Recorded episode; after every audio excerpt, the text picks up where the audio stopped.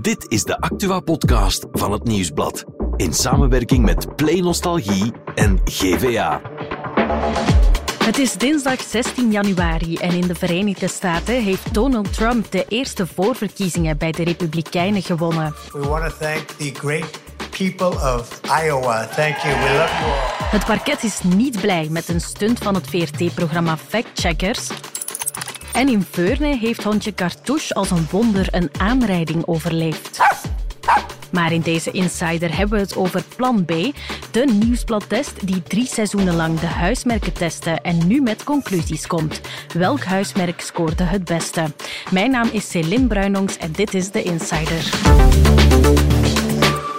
Vandaag is Chris Nick onze insider. De nieuwsbladjournalist maakte drie reeksen van Plan B en maakt nu de balans op. Dag Chris. Dag Celine. Wat is nu Plan B eigenlijk? Um, het idee is gestart uh, zo'n anderhalf jaar geleden. De crisis uh, woelde volop en dan dachten we van ja, we gaan eens op zoek naar alternatieven voor dure aanmerken. En eens kijken van die huismerken, zit daar iets lekkers tussen dat net zo ja, lekker is als het aanmerk, maar misschien maar de helft kost. Dus we zochten een alternatief. Ja, en hoe gaat dat dan in zijn werk? Wie deed die test dan? Wel, ik ging naar de winkel, zoals eh, de, de gewone consument, uh -huh. laadde mijn karretje vol met allemaal huismerken en ook de aanmerken.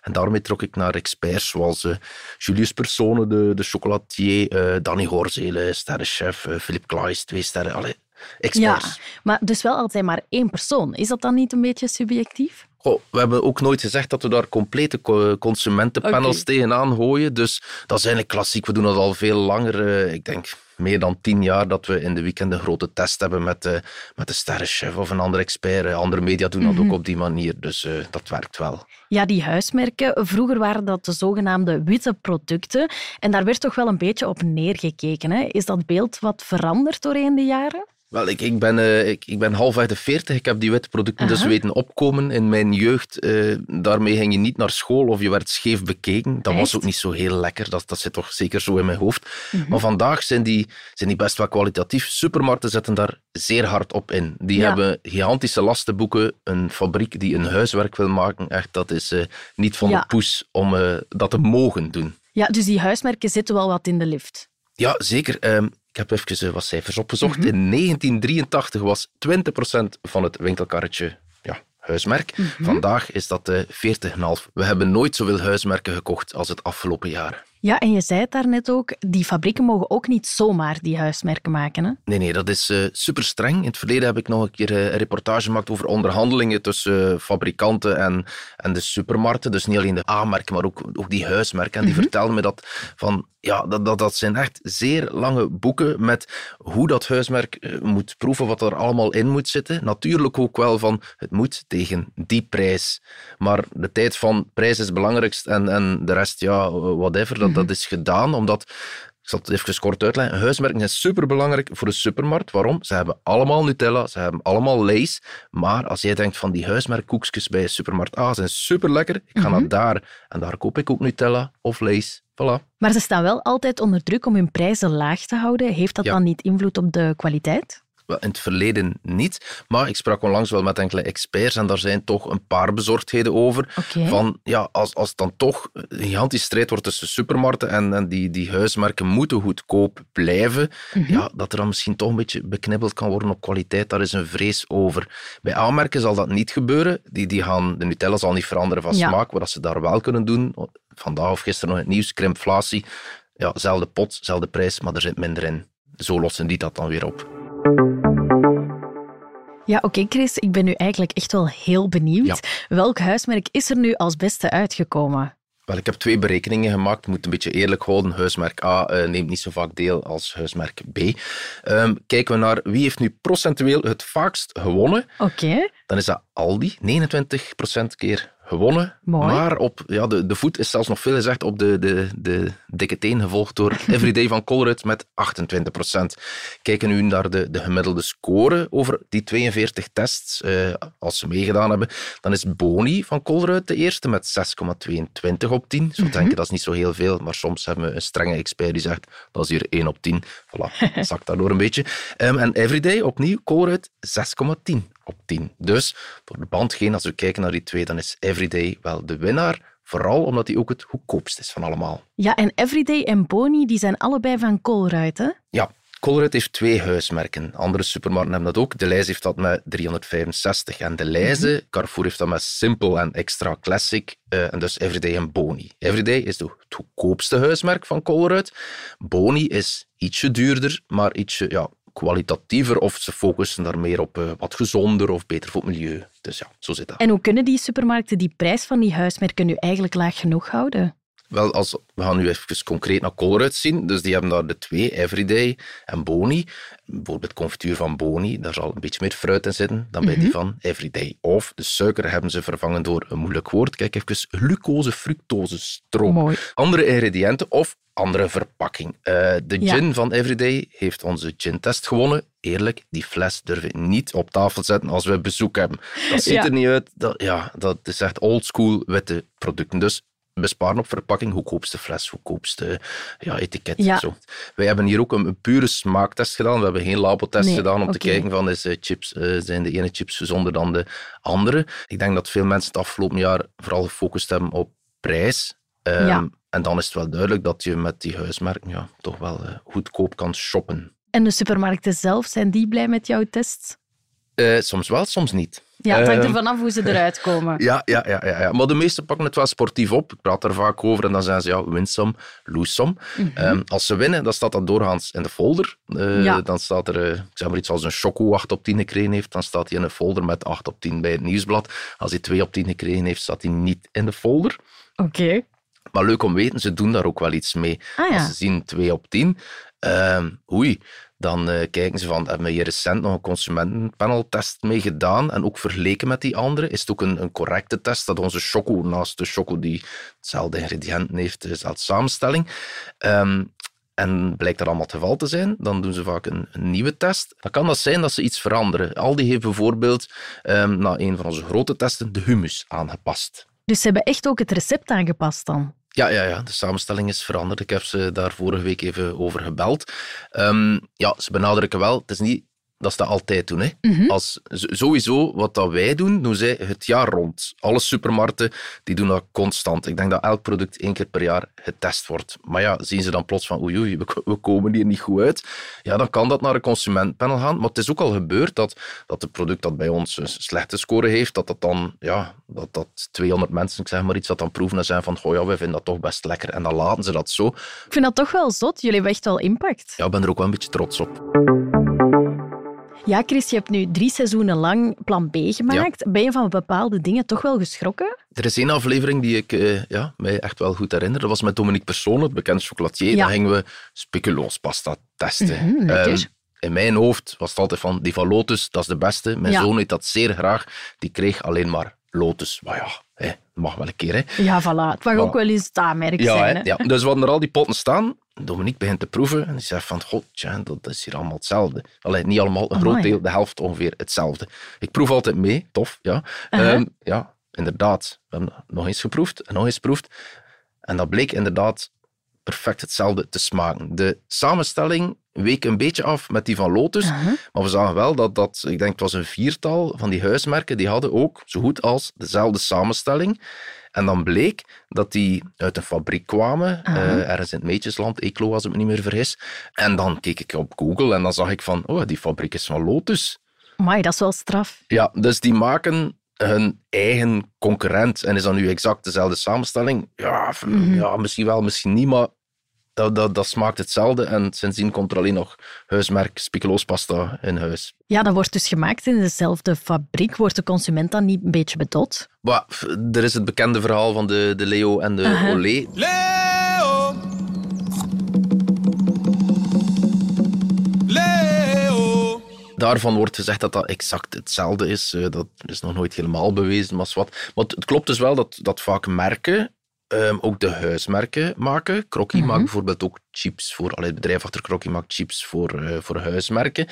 Maar dat is niet altijd één op één hetzelfde. Het is ook niet omdat iets hetzelfde smaakt, dat daarom exact hetzelfde is. Dat, dat, dat kan een, bij chips een, een andere patat zijn, om zo te Ja. zeggen. Eh, De, een beetje de lelijker patat eh, of zo. Ehm, dus ja, bedot, goh, ja, ik weet het niet, maar ja, het gebeurt wel. Ja, ik vind het toch wel straf. Zijn er zo nog producten? Wat ook vaak opvalt, is...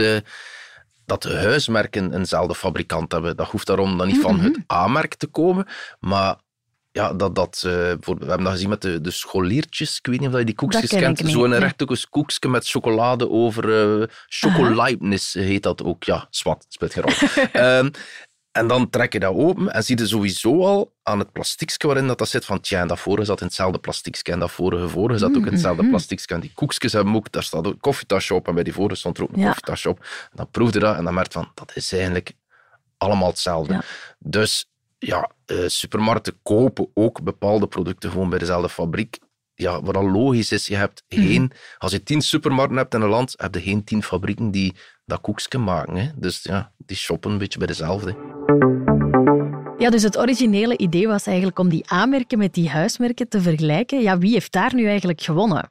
Ah, wel, eh 42 tests. We hadden Mhm. twee keer een gelijkspel. Oké, spannend. Ja, en dan 23 keer winst voor de huismerken. Oké. En 17 keer voor de A-merken geven we voor een gelijkspel alle twee een puntje. Dan is de eindstand 25, 19 voor de huismerken.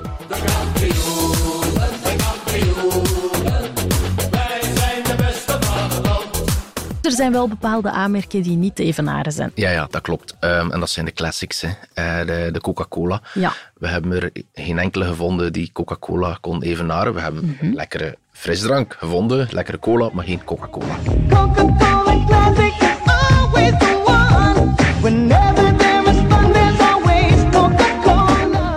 Heinz Ketchup, net hetzelfde. Eh, De, de reden daarvoor is ook een beetje van, ja, mensen worden opgevoed vaak met die smaak. Hè. Dus eh, in mijn hoofd zit ketchup als Heinz en cola als Coca-Cola. Ja. Ja. om daar dan van af te wijken, dat is niet simpel. Maar zijn er toch zo A-merken die jij hebt laten vallen nu?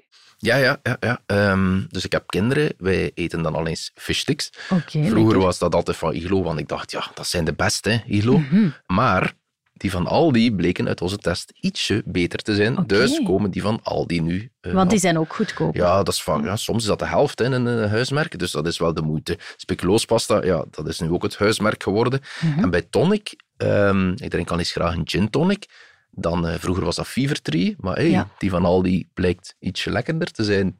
Interessant. Dat zeker even hoe. Dus voilà, voortaan gin tonic met die van de Aldi. Ja, je bent nu eigenlijk al drie seizoenen lang aan het proeven en Ja. vergelijken. Ga je dat ook blijven doen? Dat kan, we zijn er nog niet helemaal uit. Sowieso, we hebben in onze weekendbijlage check altijd Mhm. de grote test en daarin zitten er ook altijd huismerken. Dus het is niet dat we dat nu laten schieten, maar we zijn nog aan het zien van gaan we verder met plan B of niet. eh. Het is ook zoeken naar producten nog, hè. Dus, eh, maar dat kan, ja. Oké, ik kijk al uit naar de weekendkrant dan. Oké, Bedankt Chris om dat uit te leggen dat is voor graag ons. gedaan. En er is ook nog ander nieuws en daarvoor is onze producer Nathalie erbij komen zitten. Dag Nathalie. Dag Celine. The big night is going to be in November when we take back our country and truly we do make our country great again. Thank you very much, everybody. Great honor. Thank you very much. In de Verenigde Staten waren het gisteren de eerste voorverkiezingen bij de Republikeinen en voormalig Amerikaans president Donald Trump heeft die gewonnen. Ja, klopt. Tijdens de voorverkiezingen wordt er uitgemaakt welke kandidaten van de twee partijen, Republikeinen en Democraten, het tegen elkaar zullen opnemen bij de presidentsverkiezingen. En traditioneel beginnen die in de Amerikaanse staat Iowa. En Donald Trump was de grote winnaar en dat is geen verrassing. Hè? Het zat eraan te komen. Pas op, hij won met maar liefst 51 procent. Ja. Maar hij was in zijn overwinningsspeech opvallend mild tegen zijn tegenstanders Ron DeSantis en Nikki Haley, waar hij anders geen enkele controverse mijt.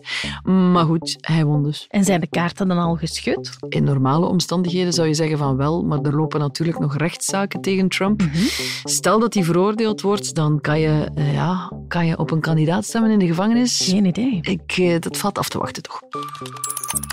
En dan nog een opvallend verhaal op onze voorpagina vandaag. hè. Een hackingstunt van het VRT-programma Factcheckers heeft heel wat paniek veroorzaakt. Waar gaat dat over?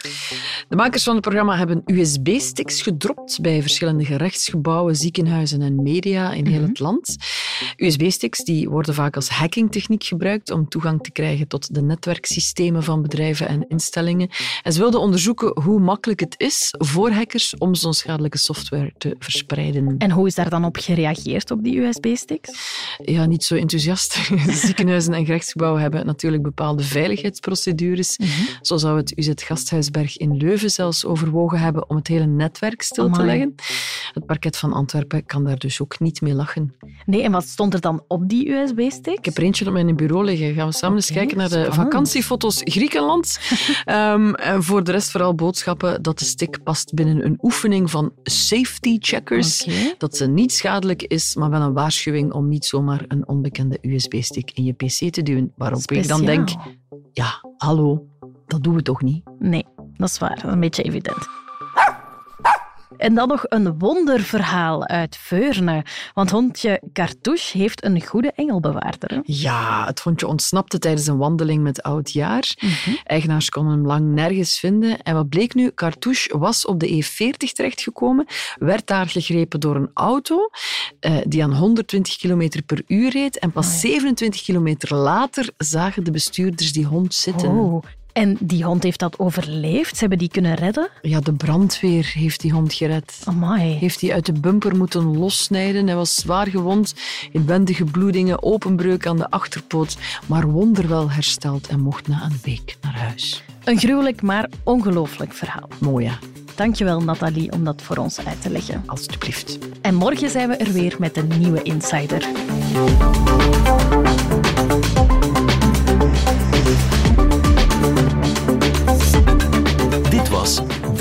Insider, een podcast van het Nieuwsblad in samenwerking met Play Nostalgie en GVA. De muziek is van Pieter Santens. De montage gebeurde door House of Media. Wil je reageren? Mail naar podcast.nieuwsblad.be.